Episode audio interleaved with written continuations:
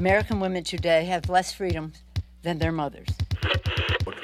And these heat waves are becoming more frequent because of uh, climate change. Uh.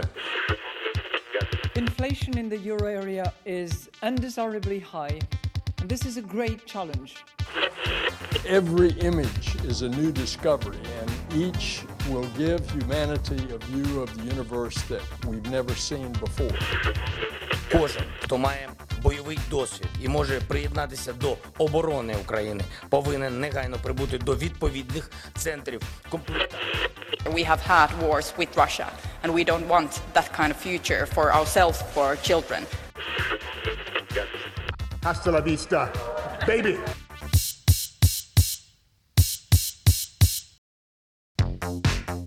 Ert að hlusta á heimskviður. Þáttinum það sem gerist ekki á Íslandi. Ég heiti Bjarni Pétur Jónsson. Og ég heiti Birta Björstóttir. Mansal og söngleikir eiga fátt ef nokkuð sameinlegt. Kanski annað en það að vera umfyllunrefni þáttarins í dag. Já, í setnum hluta þáttarins ætlum við að fjalla um söngleiki og syngja með. Í april var síningum hægt á söngleiknum um óperudraugin á Broadway í New York. En engin söngleikur hefur verið síndur oftar þar. Þau náðu næstum 14.000 síningum á þessum 35 árum sem söngleikurinn var á fjórunum. Við skoðum þessa merkilegu sögu, sögu söngleikjana og ástæður vinsalda þeirra á eftir en við byrjum á öllu alvarlegri málum, mannsali. Já, Európa-lauruglan Europol greindi frá því fyrir að rúmlega 200 hafi verið handtekinn í aðgerð gegn skipulöðum glæpahópum sem tengjast mannsali. Við 13.000 lauruglumenn leituði í 44 löndum í íbúðarúsum, lestarstöðum, flugöldum og víðar. Rúmlega 1400 mögulegum þólendum mannsals var bjargað. Flest þeirra voru börn og lögráða börn eru þólendur mannsals. Þau eru seld mannsali til kynlífsmisnótkunar og neitt til að betla eða fremja margskona glæpi. Arnar Björnsson tekur nú við.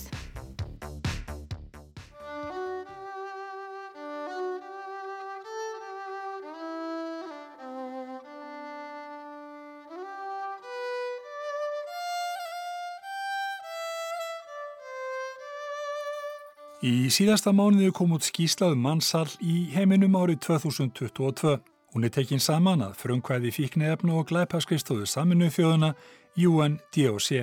Fyrir tilstuðlan saminuð þjóðuna undirrituðu þjóður heims alþjóðasamning gegn mannsali 2003 og undanfögnum árum hefur þeim fjölgað sem hafa undirritað samningin úr 55 í 125.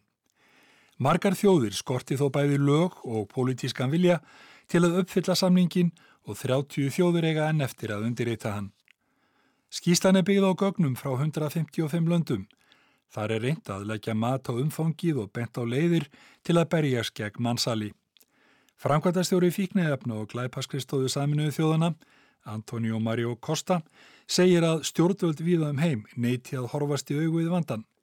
Í tveimur af hverjum þeim löndum sem skíslan er yfir er ekki skráðið einasta mannsalsmál þrátt fyrir að fleiri séu sótið til saka en áður.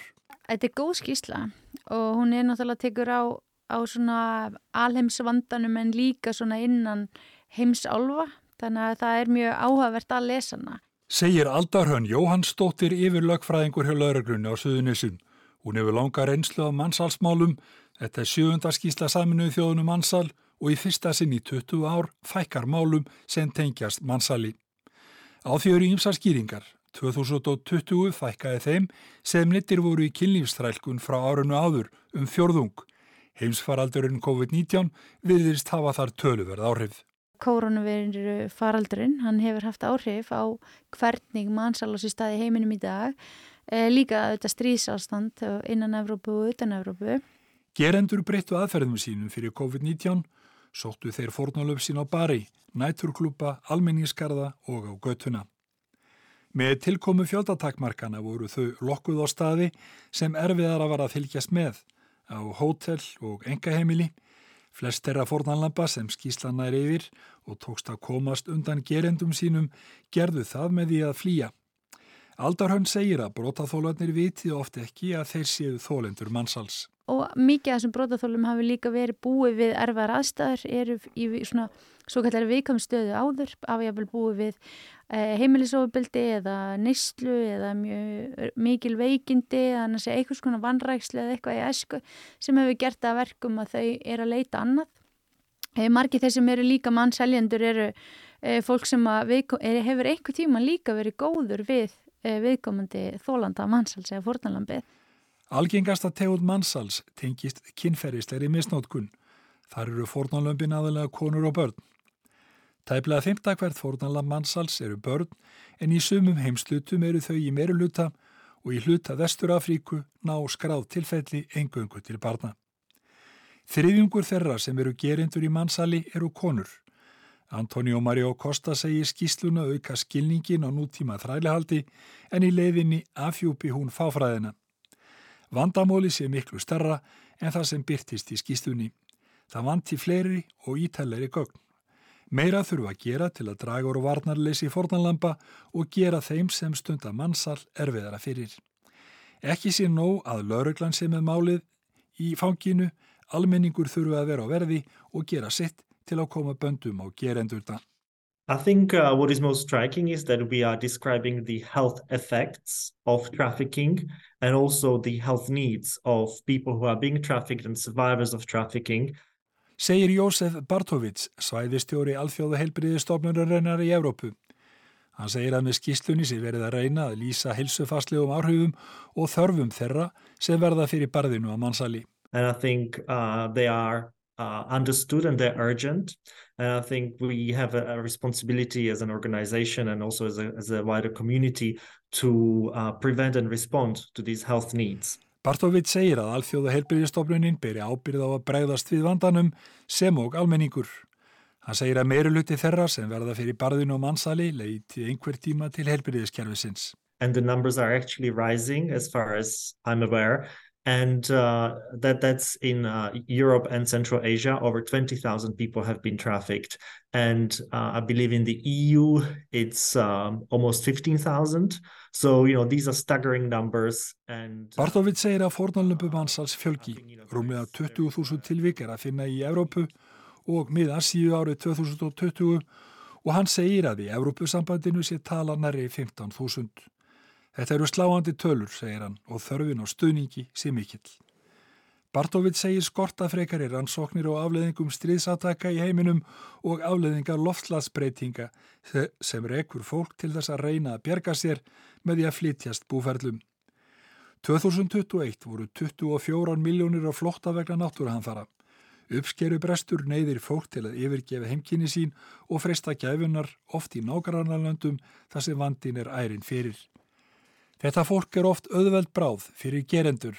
Það sama á við um þá sem reyna að komast úr fátætt heima fyrir í leita betra lífi í Európu og fresta þess að leggja í hættu fyrr á allarsafið. Fólksflótti, fólksflutningar, þetta mun, við erum að sjá fram að algjörlega breyta tíma Eh, það er verða, þetta eins og þú segir réttilega að það eru þessi, þessi lofslagsbreytinga sem eru að reykja fólk á brott frá hlýri stöðum í kaldara lofslag og, það, og við munum bara sjá aukning út af þessu öllu og þetta er að skapa gríðarlega svona viðkoma stöðu fyrir mjög mikið af fólki og skiplu brotasamtöka þeir sem eru að stýra því hvert fólki fer, þessu er stýrt miðlagt. Ég menna Júraból hefur gefið það út að 10.000 börn séu horfin úr flóttamannabúðum í Evróp. 10.000 börn. Þú veist, hvað eru þessi börn? Eru börn sem eru, er, eru að flóta með öðru fólki, er þetta sannlega börn þeirra? Þú veist, við þurfum alltaf að vera meðvitið um allt þetta, en við þurfum að tryggja aðstæður fólksins. Þess vegna þurfum við að spyrja spurningana, byrja þar og reyna svo að, að bera kjenslafólki, er fólki það sem það segist vera, inn á milli er skiplu brotastasemi og brotahópar og þeir nærast á þessu fyrir þess að þarna peningan fá. Aldar Hönn segir að til þess að ná böndum á þessa glæpastasemi þurfi samvinnu margra aðila. Völd ekki bara laurugla heldur, heilbreyðsíðuvöld, félagsjónusta, eh, skólanir, eh, allir sem hafa þessa tengingu og nálað við fólk sem verðum að vera með opin augu, vita hvað mannsal er uh, og bera kennsla á það og tilkynna þá til lauruglu svo að sé möguleiki á að rannsaka það.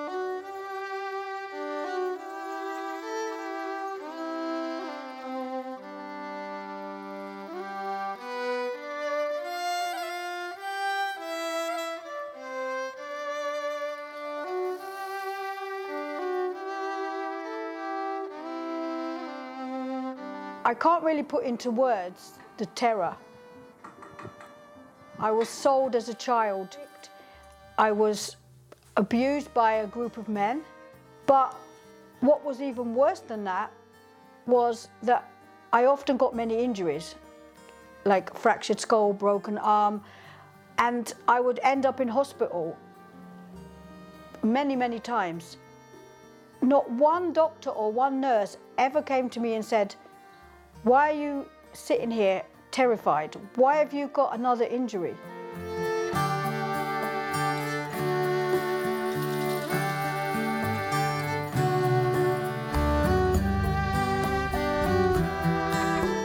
Þetta er Jane Lassonder sem barnað aldrei var fórnalöfum bansals. Hún segist ekki geta líst þeirri skjelvingu sem hún upplýði. Barnað aldrei var í seld og misnótuð af hópi manna. Ég þurfti ofta að fara á sjúkróhus vegna höfugúpubróts, handlegtsbróts og annara meðsla. Hvorki lakninni huggrunarfræðingu spurði mig hvers vegna ég veri svona skjelvingu lostinn og hvers vegna ég veri ennþá komin með nýja áverka.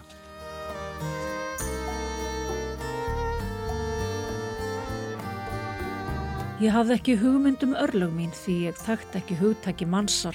Ég hafði aldrei heyrt á það minnst. Það var ekki fyrir en löngu síðar að það hugtak kom til sögunar. Ég get eiginlega ekki orðað skjelvinguna. Þetta var svo hræðilegt og áfallið mikið. Þegar ég hugsa tilbaka átta ég mig á því að ég fekk ekki þá umönnun sem ég þurfti vegna þess að mitt tilvik var ekki skilgreynd sem mannsal. Mér fannst ég vera ein og ósýnileg Ég var svo hrætt að leita til heilsugjastlunar að þegar ég varð á endanum að fara þangað átti ég erfitt með andardrátt. Að þetta lækna á hjókunafólk og greina frá óeðlilegum meðslu mínum var mér oftum megn. Að fara í þungunarof 13 ára var þungbær reynsla. Á þessum tíma leiti út fyrir að vera 10 ára en engin læknir og engin hjókunarkona spurði hvers vegna svona ung þunguð stúlka væri með alla þessa áverka. Eftir á finnst mér að heilbreyðiskerfið hafi bröðist mér. Einhver af þeim heilbreyðistarsmunum sem hittu mig þegar ég var barn hefði átt að koma auða á að eitthvað væri aðtugavert. Rætt lítil stúlka sem hafi orði fyrir miðstyrmingum átt að fá aðra meðferð en ég fekk. Þetta er saga Jane Lasonder. Hún vinnur núna sem ráðgefi og talsmaður samtaka sem berjast gegn mannsæli. One day one of these women or men will visit the, the hospitals because they get sick. And it could be many different things. And if they have something, some signs, then ask them. Eitt daginn mun eina af þessum konum eða körlum heimsækja sjúkurhósinu vegna þess að þau veikjast. Veikindin geta verið af ímsum toga En ef grunur leikur á að eitthvað óæðilegt sé að ferðinni, þá skaltu spyrja, segir Jette Vesu Meng, hjógrunarfræðingur við Háskólusúkröfus í Árósum.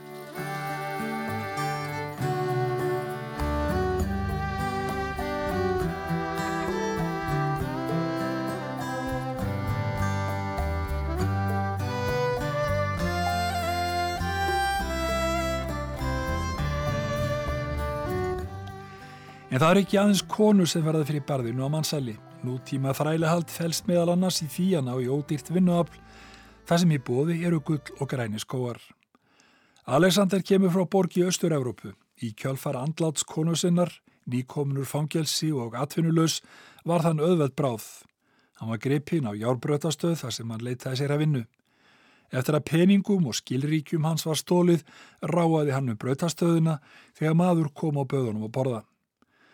Hann vann sér inn trösti á Alexander og böðst til að hjálpa honum. Hann kom síðar að því að eitra hafi verið fyrir honum og meðutöndalös var hann ferður inn í bíl með þremur öðrum sem svipað var ástætt fyrir og þeim ekkið á fjarlægan stað.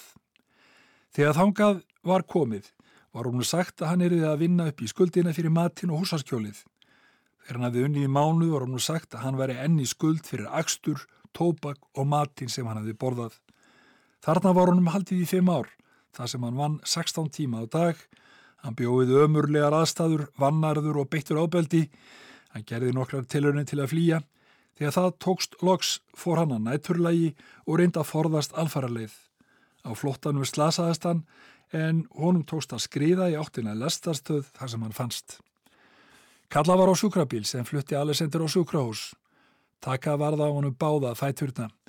Hjálparsamtök skutu yfir hans skjólshúsi og fóru með hann í gamla heimabæin þar sem hann lést skömmu síðar. Talsmaður hjálparsamtakana sem kom honu til aðstóðar hefði fengið þeir upplýsingar að fyrir hvert hann sem gerendur mannsalsins náðu að lokka til sín fengu þeir 200 til 250 bandarækjadali. Þólendur mannsals eru oft treyið til að skýra frá.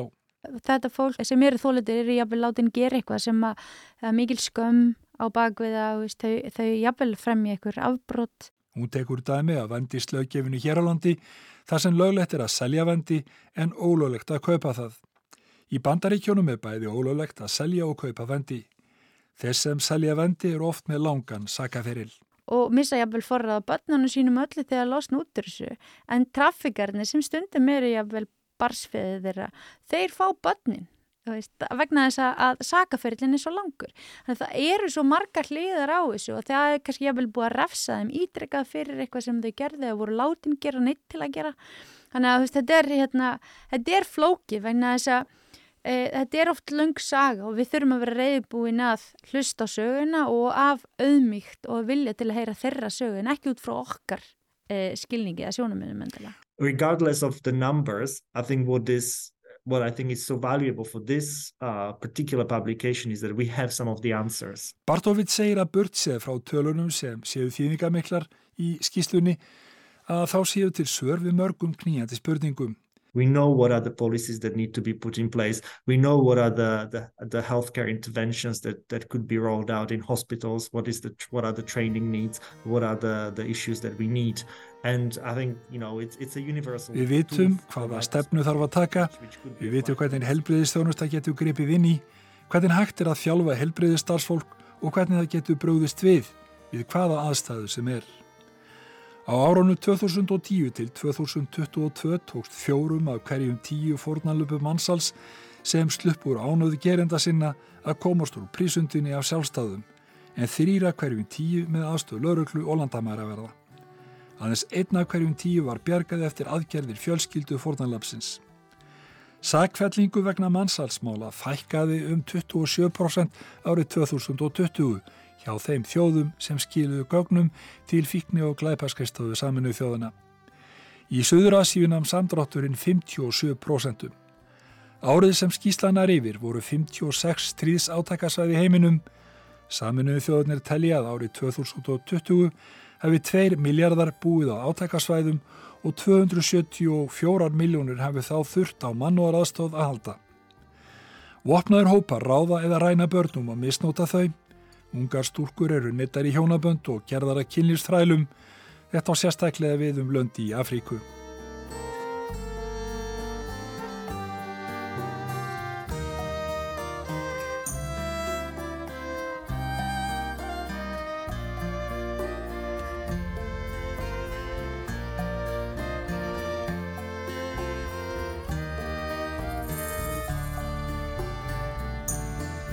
Í Argentínu voru hjóni í fjárhagskrökum og námu fjórar sýstur, þrjar þeirra börn á brott og letu þær vinna 12-14 klukkutíma á dag. Maðurinn sem nýtti stúrkurna til að vinna var frendi þeirra. Stúrkurnar voru beittar andlegu og líkamlegu óbeldi, hjónin heldu þeim þöngnum í fjóra mánuði en eftir naflausa ábendingu til lauruglu voru þau grepinn og síðar dæmt í tíu ára fangelsi.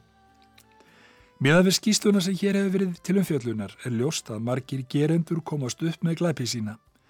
Þegar miljónir er á flótta undan hörmungum stríðsátaka og hamfaralínunar í heiminum er fólk varnalus gegn þeim sem gera sér neyð þeirra sér að fjöðhúu, segir í formála skýstunar.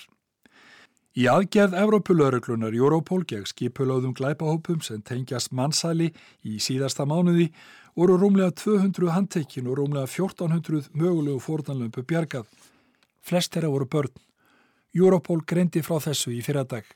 Um 17.000 lauruglumenn leituðu í 44 löndum, í húsakinnum, lestastöðum og á flugvöllum.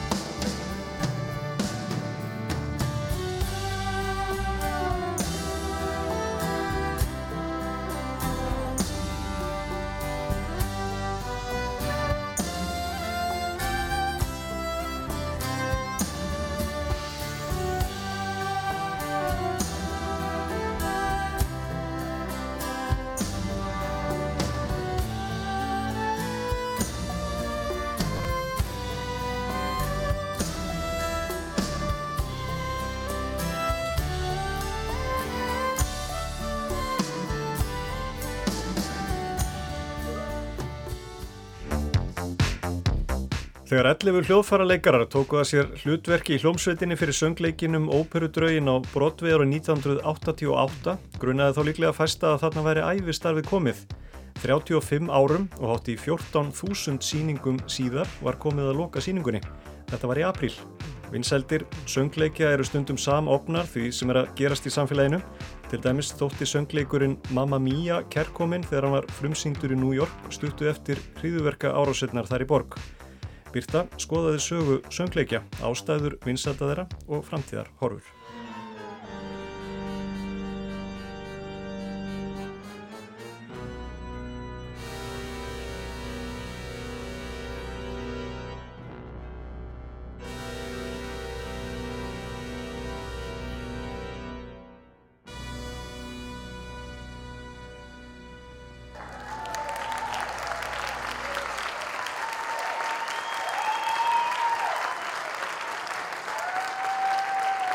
Þegar tjöldin fjallu í lok söngleiksins um óperudraugin The Phantom of the Opera í Majestic leikúsinu á Broadway í New York þann 16. apríl markaði það tímamót.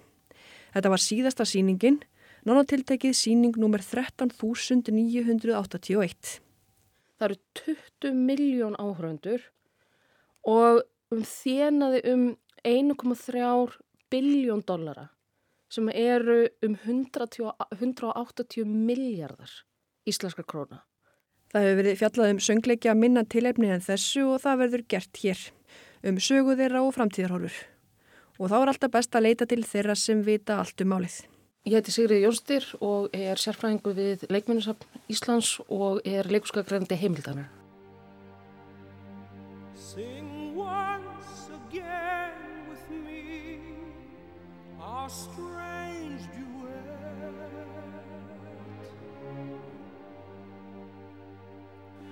Það voru, það var um það byrj 6500 manns komið að síningunni eða unnið við hana.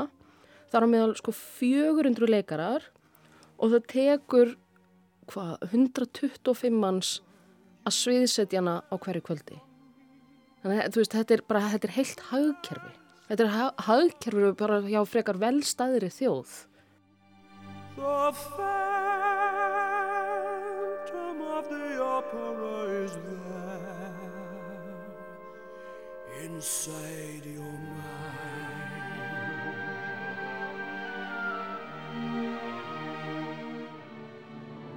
Uppsetningin á óperu draugum er svo langlýfasta af þeim öllum í sögu Brodvei. Verki var frumsýn þar árið 1988 fyrir 35 árum. Brodvei samanstendur af um 40 leikhúsum og enn fleiri síningum í leikhúsakverfi Manhattan í New York í Bandaríkjónum. 27 hljóðfærarleikarar kerðu síninguna um óperudraugin áfram á hverju kvöldi alla þessa áratugi og 11 þeirra voru með frá upphafi í öllum síningunum frá árunni 1988. It's me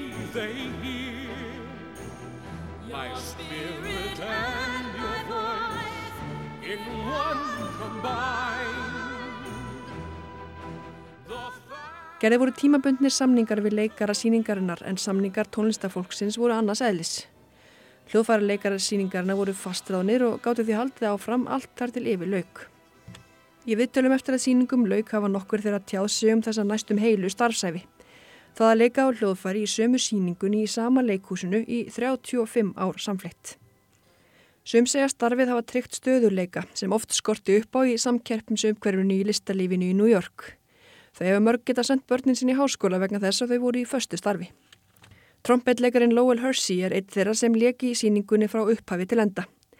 Hann sæði í vittali við New York Times að fyrsta við þau allra bjart sínistu spá því að síningin geti mögulega gengið í 5-6 ár. Árin urðu 35 talsins. Þó óperudraugunni sé langlífastur á fjölum Broadway er hann samt bara einna mörgum. Einna fjölum mörgum söngleikjum sem hafa átt vinsaldum, mis miklum þó, að fagna í um hundrað ár.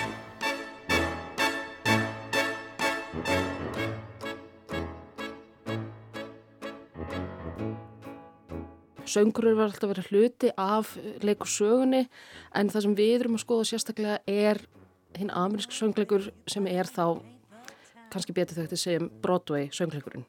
And all that jazz, I'm gonna rouge my knees and roll my stockings down Og hann byrjar að reyða sér til rúms í lok 19. alda en það sem er mikilvægt að muna er að söngleikurinn alveg svo leikusformið yfir höfuð fylgir alltaf samfélaginu. Þetta er alltaf einhvers konar endurspeiklun á samfélags ástandi, um, einhverju, eitthvað mótvægi, eitthvað móteitur, eitthvað viðbrað eða bara ákveðin um, upphefjun á því sem er að gerast í samfélaginu á þeim tíma. Og það sem gerist um, á þessum tíma er að New York er mikil uppbyggingu. New York var í raun og veru bara smáþorp á auströndinni um, þanga til að svona yfirbyltingin fór að reyða sér til rúms og þá fer um, New York uh, á samt Chicago sem er mjög sérstaklega, er hinn leikusborg bandrækjana fer að þróast og dafna sem þessi kosmopolitan risaborg sem við þekkjum í dag. Og eins og gerist í svona öðrum samfélagsöngum og þá fara allir að hugsa sér hvernig er hægt að græða peninga. Og þá er leikúsið náttúrulega mjög freistandi kostur. En það er ekki fyrir en upp úr 1920 þar sem nútíma söngleikurinn eins og við þekkjum í dag fer að þróast. Og þá erum við að tala um það sem ein síning er sett saman af bæði sögu sem hefur einhvern tilgang og einhvern söguþráð samhliða lögum sem tengjast síningunni á einhvern máta.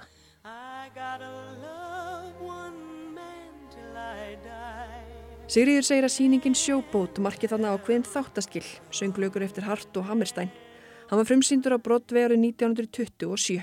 Það eru raun og veru oft, oftar en ekki settur fram sem fyrsti nútíma sönglugurinn þar sem að laugin voru ekki einhver skraut heldur myndaði síningin heila listræna heil. Tell me he's lazy, tell me he's slow, tell me I'm crazy, maybe I know, can't help loving that man of mine. Það kemur þessi nútíma sönglugur, síðan kemur Oklahoma sem færir þetta aftur í svona nostalgíu og þessar svona amerikana fílingu síðan kemur mótvægið um, í kringum 7. og 8. áratugin sem er rock-sönglökurinn.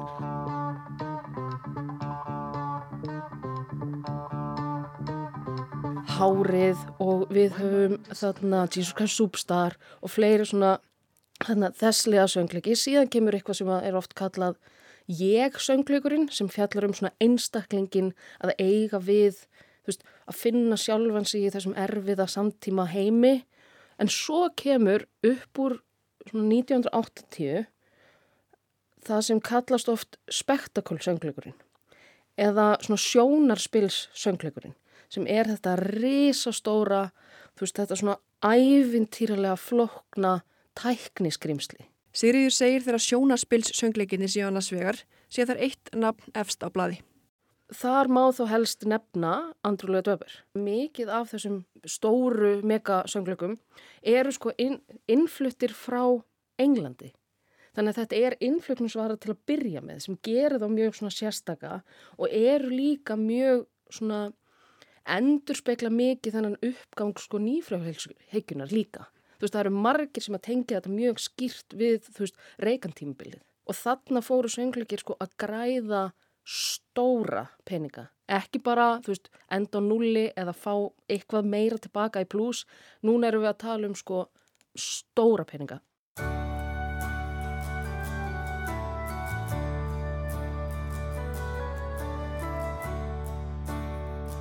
Andrew Lloyd Webber er fættur á Englandi árið 1948. Hann hefur samið yfir 20 söngleiki og á líklega væna bókaheitlu fyrir öll velunin sín.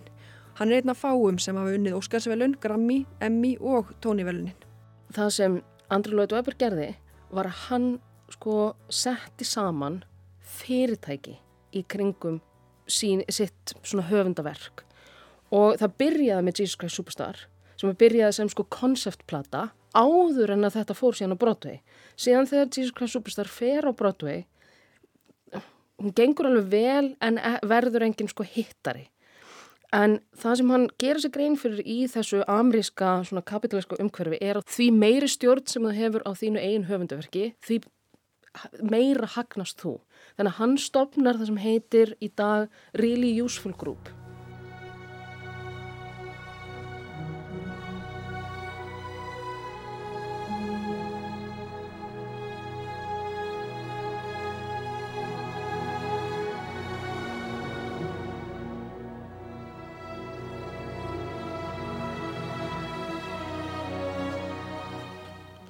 Andrew Lloyd Webber samti í kjölfarið Evítu um fyrirverandi fósittafrú Argentínu sem sló rækilega í gegn.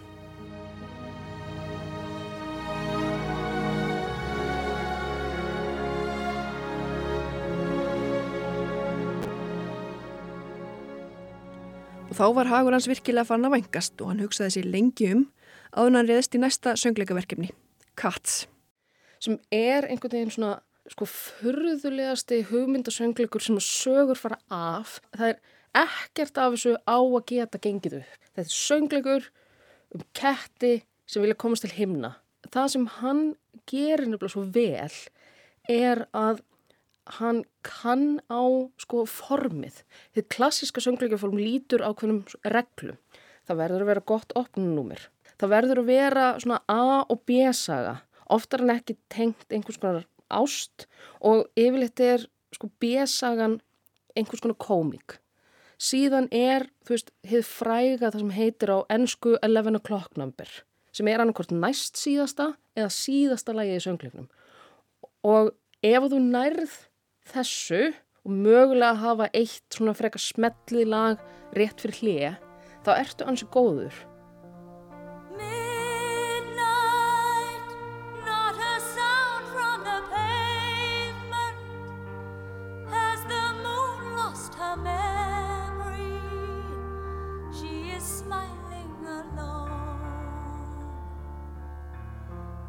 Katz var á fjölunum í átjan ár samflitt á Brodvi og hefur líka verið settur upp víða um heim ótalsinn.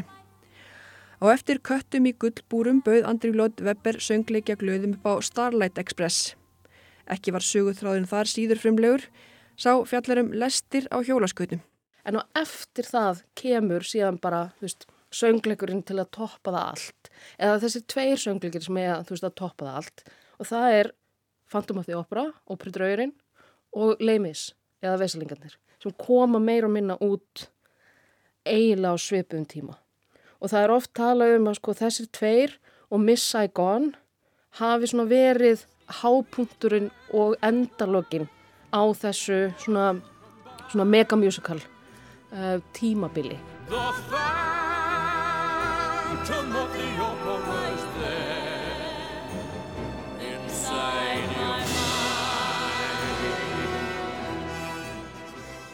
Og endalög óperudraugsins, já allavega á Broadway, voru í april. En er eitthvað sérstætti þessa síningu sem gera hana svona vænlega til vinsælda og miðasölu í áratugi? Það sem sko Phantom gerir, sko það er þessi sko gífulegi ekstravagans. Þetta er þetta sko rosalega stóra, stórar tilfringar, stórt sett, stór leikmynd, stór atriði í einhver svona exotísku, svona framandi umhverfi, það er nostalgía, það er romantík og ég fór að hugsa, hugsa það á leiðninga að þetta er söngleikur sem að bókstála er hengdur á ljósokrónu. Og það sem var þetta stóra augnablík sem að sko fólk fór sérstaklega í leikusið til að sjá var ljósokrónan. Það var bara, ljó, þú veist, er risastór ljósokróna sem var hengd upp í loft og mjög dramatísku augnablíki í síningunni að þá hrinur hún, veist, eins og hún sé að fara að hrinja ofan á áhörvendur sem eru inn í síningu, inn í síningunni.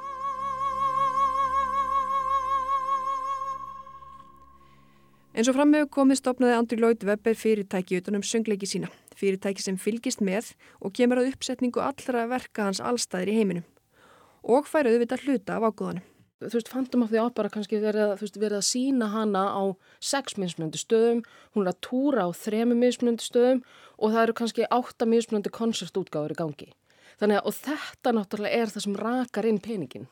En af hverju var ákveð að hætta síningu núna eftir þessi 35 ár með þess að tölur sem átt að tellja upp og svona? Var þetta bara búið? Nei það, nei, það er bara mjög einfalt mál og það eru peningar. Að hluta til COVID, bara leikur sem lokuðu og það rekstra umhverfið var miklu, miklu erfiðara heldur en nokkuð tíma áður þó að brotu hefði alltaf farið í gegnum einhverju svona erfiðleika tímabil og síðan dróst á langin að það tók mjög langan tíma, það, það er mögulega bara ja, fyrst núna á þessu ári sem að áhörundur eru að skila sér aftur í leikús. Rekstrar kostnaður fyrir eina síninguviku á Phantom of the Opera voru 950.000 dólarar. Það er ein vika í síningu sem jafngildir um það byrjum 130 miljónum íslenska króna. Sem þýðir að til þess að enda á nulli þá þurft að þjena 130 miljónir á viku og það var bara hreinlega ekki að gerast eða tók allt of langan tíma. Þótt óperu draugurinn sig hér í aðalhlutverki er hann auðvitað langt í frá eini vinsæli söngleikurinn.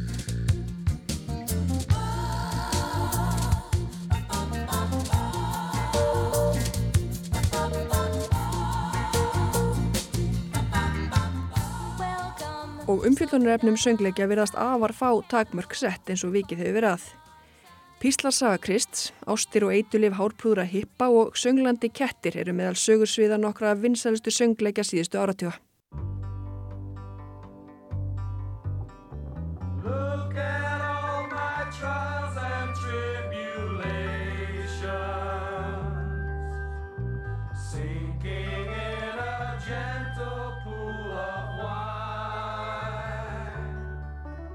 En er eitthvað eitt við þetta leikúsform umfram önnur sem gerir söngleiki svo líklega til vinsælda? Það er nefnilega heilum að þetta er vinsælt leikús. Þetta er leikús sem dregur að sér áhöröndur og sem verður til þess að miðasæla er mikil yfir lengri tíma og það er hægt að græða alveg fólkur fjár á þessu. En það sem er nefnilega svo gaman að horfa á með sko, söngleikaformið, ástæðin fyrir sko, þessum vinsældum er að í grunninn er þetta afþreng og það er verið að miða á fjöldan. Það er verið að miða á að gera þetta aðgengilegt listform sem er ótengt stjættaskiptingu, sem er ekki ópera. Þó að þetta eigi rætur sínar að rekja í svona óperettur og svona sönglaga list af mörgu leiti en það er mjög skýr lína þar á milli að þetta er ekki ópera, þetta er þetta fyrir aðalega millistjættina sem hefur lausan tíma og lausafjár til þess að fara í leikús en það er kannski það sem er að breytast aðeins núna sérstaklega með uh, brotveiðsjöngleikir er að hann hefur orðið sko miklu dýrari meðanir eru hafa aldrei verið jafn dýrari eins og það er í dag en það breytir því ekki að þetta er í grunninn, þetta er form af einhvers konar flóta úr raunveruleikunum.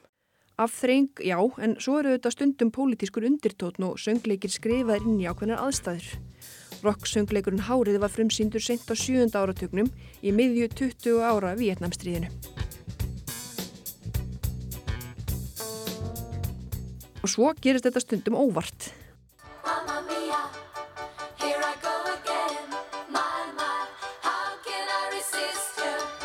Sko Mamma Mia hún er algjörlega saman ofinn sko ástandi í samfélaginu uh, og vinsældir söngleiksins að ég tel ein af sko skýrustu ástæðum þess að hún slæri gegn í New York er að Mamma Mia var held ég sko allavega fyrstu söngleikurinn ef ekki fyrsta frumsýningin eftir 11. september Hún er frumsýnd stuttu eftir þennan skelvilega, hræðilega atbyrð sem átt sér staðið í New York. Og allt í einu var það eina sem fólk þráði var afþreying. Og þá var bara hvað er betra heldur að fara á einhverja grísk strönd með abba, fólk í sundbólum og sundskilum að bara hafa gaman. Og það eru allir ástfangnir og það eru allir að skemta sér og það er sól úti og þú þekkir all lögin og þú veist og endar með þú veist brúðköpi þú veist og þetta, og þetta er algjör tilvíljun en sko einhvern veginn sem á sem umbreytir síðan bara söngleikja umhverfinu til sko næstu örgla 20 ára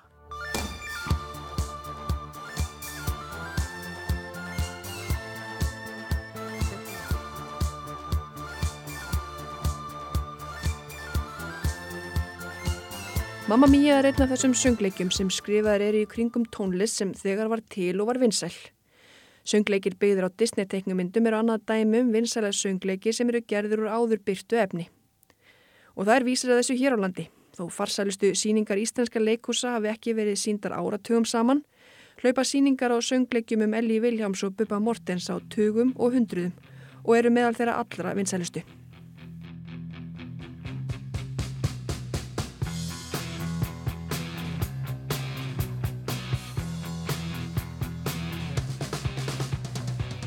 Tjöldin eru fallin hjá óperudraugnum á Brodvi, þó hann gangi aftur víðar um heim og haldi því líklega áfram um ókomna tíð.